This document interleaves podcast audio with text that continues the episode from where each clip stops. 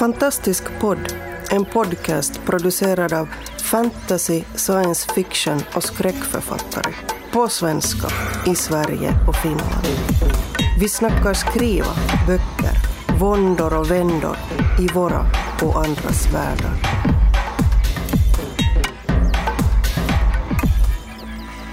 Hej och välkomna till Fantastisk podd och det är Grupp Finland som har samlat sig här igen och idag hade vi tänkt diskutera språk. Eh, Men vi börjar med att presentera oss. Jag heter Maria Turchaninov. Jag heter Hannele Mikaela Taivasalo, men kallas Mikaela. Och jag heter Jenny Wik. Och jag heter Mia Frank.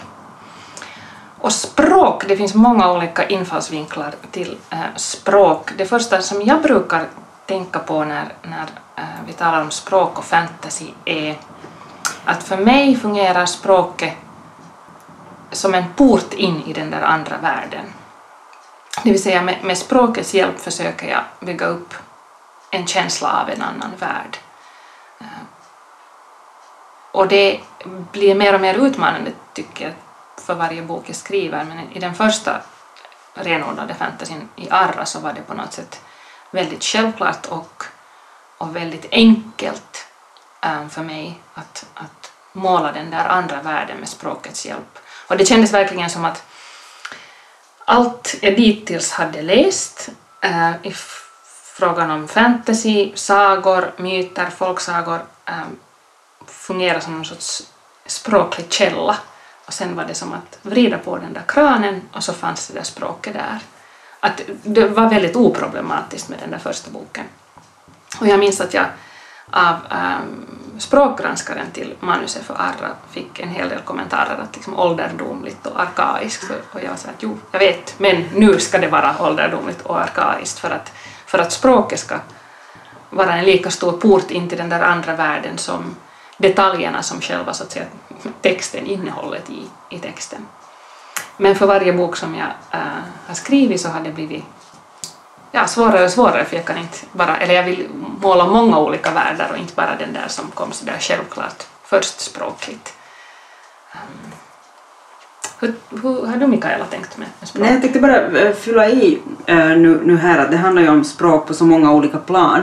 Eh, Det, handlar, det är som att hitta sitt eget språk, vilket kanske är den stora aha-upplevelsen där med det som Maria just sa med, med, med det första verket, eller det första, Eh, kanske inte ens debutverket utan det första verket där man upplever att man har hittat, hittat sitt sätt att tala, sitt sätt att förhålla sig till, till språk.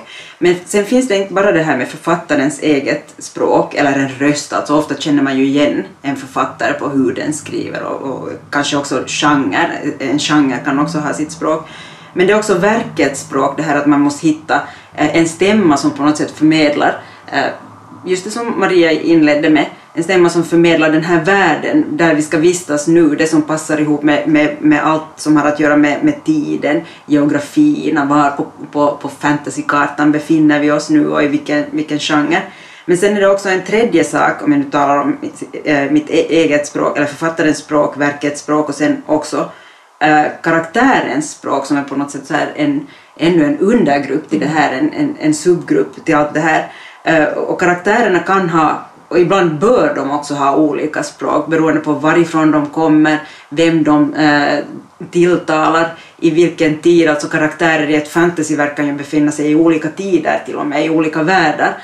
Eh, och, och, och kan eller kan inte kommunicera. Det är alltså en- massa saker som man kan eh, och en massa saker utöver det här som jag just har har tagit upp som man kan berätta med språk. Också eh, tiden som vi sen kommer att säkert att tala mycket om. Men Mia, hur har du? Ja, jag tänkte nappa på där med, med karaktärernas språk. Eh, av den anledningen att det var någonting som jag funderade en hel del på. eh, för att eh, när jag skrev då Martrådar, min första bok, eh, så hade jag i början använt då dialekt för att eh, skapa stämningen. Eh, och den rensade jag sen bort. Men det blev också så att dialekten kom att, den där forma vissa karaktärer väldigt mycket. Och, och för mig var det liksom ett, ett bra led att skriva in den där dialekten eh, som då är västnyländska. Eh, som dessutom är en dialekt som jag tycker är extremt besvärlig på alla möjliga sätt. Eh, och jag, men jag skrev in den för att få känslan för karaktärerna och, och sen var det lätt att ta bort den. Det vill säga jag tycker att, att jag håller med där om att, att, att man skapar karaktärerna väldigt mycket genom hur de pratar. Men varför tog du bort den? Vad var din bevekelsegrund till, till det? No, framförallt kanske för att, att eh, även om jag nu någon gång under min högstadieperiod har talat västnyländska så är den ju inte liksom up to date precis. Eh, och, och, och det var inte så att jag heller eftersträvade att den skulle vara riktigt rätt utan, utan det där eh, bara någorlunda. Och, och, och då tog jag sen till slut bort den för att jag tyckte att den började störa mer än, än den gav. Den, den hade gett mig karaktärerna redan men, men det där mm. sen som, som det där eh, att hålla kvar det så skulle ha blivit väldigt konstigt för alla karaktärer att tala plötsligt inte dialekt. Det var vissa som, mm. som inte gjorde det, som kanske borde ha gjort det. Mm. Men, men, men det där, de gjorde inte. Eh, men sen tänkte jag också på det som du sa här innan, eh, Maria, om det arkaiska. För det har jag sen då ganska mycket mera tänkt på till den här del två som kommer ut om någon vecka. Eh, och, och, och det där, alltså då i slutet här av april när vi bandar in det här. Så där har jag då snarast använt mig just av det arkaiska, men, men inte som språk i sig utan sådär som du gör i Arra då, utan, utan mer så att, att jag har tagit vissa ord som jag tyckte att jag kände för att använda. Mm. Jag kan ju haka på här. Jenny, Jenny hakar på här. alltså det där med dialekt, plötsligt så slog det mig ju att, att faktiskt i, i bildbindaren så, så talar ju uh, huvudfiguren en annan dialekt än alla andra i sin, när hon då är i den här, verklig, den här verkligheten eller i primärvärlden för att hon talar då också rik, rikssvenska när hon kommer med in i ett sånt finlandssvenskt sammanhang. Och sen, sen, byter, sen kommer du i en sekundärvärld nu. Och där, där har jag ju nog försökt på något vis både via hennes uppfattning av språk och att, att språk kan låta olika och att människor talar olika på något vis skapa en sån effekt av det främmande i flera led på något vis. Men sen i den här fantasyvärlden så har det ändå blivit sådär mera arkaiskt språk eller någon slags mera avskalat.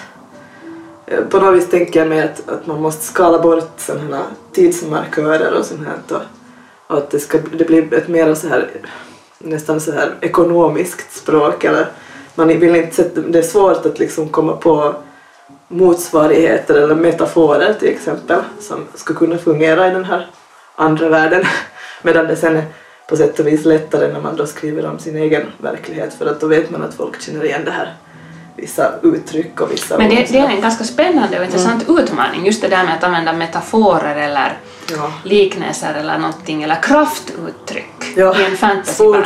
För det kan säga jättemycket om den här världen mm. om man lyckas hitta det som är, är riktigt rätt. Precis. Ja, kraftuttryck är framförallt det som jag faktiskt har använt mig av i, i det där minnet då. För att, att på den plats de befinner sig så är det då en äh, gubbe som, som det där då gärna ser lite ner på folk och, och då behövde han då ett eget äh, språk för det, det vill säga kraftuttrycken. Så han använde ord som bölhuvud och, och snorslev och, och, och sånt där. Som, som, som då för, alltså fanns i en sån här mycket trevlig och behändig lista på nätet över då fula ord eh, som användes förr. Ehm, det, är ju någonting, kraftuttryck är ju annars någonting som nu hoppar mina tankar vidare men om vi går utanför våra egna verk, eh, som är sånt som lever kvar väldigt lätt. Alltså när en, en, ett verk, ett fantasyverk, ett science fiction-verk blir kult så är det ofta de här kraftuttrycken som folk slänger sig med som, som är det nu, vad är det de säger i, är det i Battlestar Galactica som de säger, ja, borde man ha slagit upp det här eftersom den här tanken slog mig precis nu. Men jag tänker också på till exempel uh, Firefly så säger de Gorram istället ja. för Goddamn. Ja. Och sånt här. Och det är sånt som sen lever kvar i, i liksom vårt talspråk. Ja, jag tänker direkt bara på sånt som finns i Star Wars och Star Trek. Sånt här livlånget uttryck. May the force be with you. Precis. Men just kraftuttryck är sånt som ja. folk direkt liksom pepprar sitt eget språk med och kanske framförallt online. Men hur gör, gör ni då alltså, eh, nu eh, skriver jag själv inte in sån litteratur som kanske eh, kräver att man uppfinner eh, nya ord för sånt som inte finns i, i vår, vår värld för att jag hålls mera kanske i den här världen. Men hur, då, den som verkligen flyttar sig till en annan värld behöver kanske helt andra ord, alltså ord för, för sånt som finns i den världen som inte finns i vår värld, i våra, våra språk. Så hur, hur gör ni då? Maria till exempel som har hållit på med många olika världar där Ja, det finns det är, alltså, det är, det är ju en, en stor utmaning. Och jag tycker att det är jätteroligt. Men det blir också för mig, dels är det en utmaning att hitta de där rätta orden som känns rätta och riktiga. Så det är en sak som jag kan prata om, men det andra är att inte överanvända det. Ja. För att det, det har jag då en tendens att göra för att det är så jätteroligt. Och också för att för att för mig som en van fantasyläsare så är det liksom en integral del av läsupplevelsen när jag läser fantasy, om vi nu talar riktigt high fantasy, liksom helt andra världar. Um, men hela tiden, så att, så att jag kanske rensar bort, inte vet jag nu för tiden, 50 procent av de där andra bo- påhittade orden sen när jag redigerar. Um, därför att jag måste också tänka på de läsare som inte är så vana fantasyläsare som jag, för jag vill inte ändå exkludera folk. I, I synnerhet då i Svenskfinland där vi har så liten publik att man måste alltid tänka på icke-fantasyläsare. Så det är en, en hemskt svår balansgång för att jag älskar dem, jag vet att de vana fantasyläsarna i allmänhet älskar dem och tar dem till sig, medan de ovana fantasyläsarna eh, kan bli förvirrade, det bromsar deras läsning. Jag har råkat ut för att, eller jag har mm, stött på en, en kvinna som, som sa åt mig att men tänk att du kan så många blomnamn som inte jag kan. Utan att förstå att jag hittar på de här blommorna. De här blommorna finns överhuvudtaget inte i vår värld. Ehm, jag fortsätter på, på den här första tankegången eh, bara lite också med hur man hittar de där orden. Att jag är nog en slags ordsamlare, ordletare som, som har mina anteckningsböcker med listor på ord när jag hör några ord som jag kan vrida på lite eller vända på lite så att det skulle kunna bli ett eget. Och, och det blir också en del av att skapa den där känslan för den där andra världen, den andra kulturen. Mest uttalat har det kanske varit i Anaché som utspelar sig då hos ett nomadfolk ehm, där det fanns väldigt mycket som, som inte finns i vår värld eller som är lite annorlunda än i vår värld och där jag samtidigt genom namnen på personerna och, och, och namnen på ting och, och företeelser äh, ville skapa den där känslan av den där andra världen som var på ett visst sätt att den skulle vara lite karg, den skulle vara lite hård. Ähm, Du har ju en ordlista i slutet av den också. Hur, Ja. tänkte alltså det, du det, var, eller... det var en lång debatt fram och tillbaks. Ska det vara ordlista eller ska det inte vara ordlista? Ähm, och sen... För det blir ju ett tydligt språk av att det finns en ordlista Ja. att bläddra till. Men, men och jag, jag kan tycka att det är bra, men jag kan också tycka att det blir en viss förfrämlingseffekt som jag ändå inte skulle vilja ha egentligen. För jag tycker ju att alla ord borde egentligen förklara sig själva. Det får ju inte vara så att man inte förstår vad det här nu handlar om. Eller åtminstone att man kan ge sig lite till tås, och en eller två sidor så ska man förstå vad det handlar om. Att det får inte bli liksom så att du måste verkligen slå upp det här ordet nu i ordlistan för att förstå vad det betyder, utan ordlistan är nu lite mera därför att om man har kanske lagt ifrån sig boken en längre tid och så fortsätter man att läsa och så har man glömt att vad betyder det här nu eller det här namnet eller någonting.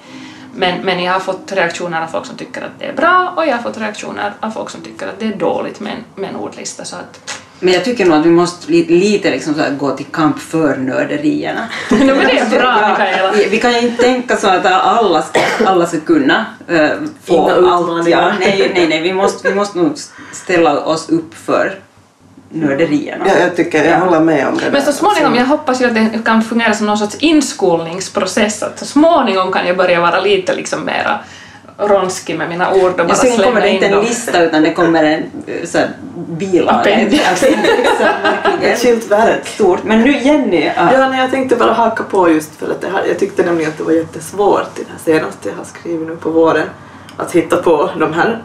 Och, och när ska jag hitta på ett nytt ord för någonting?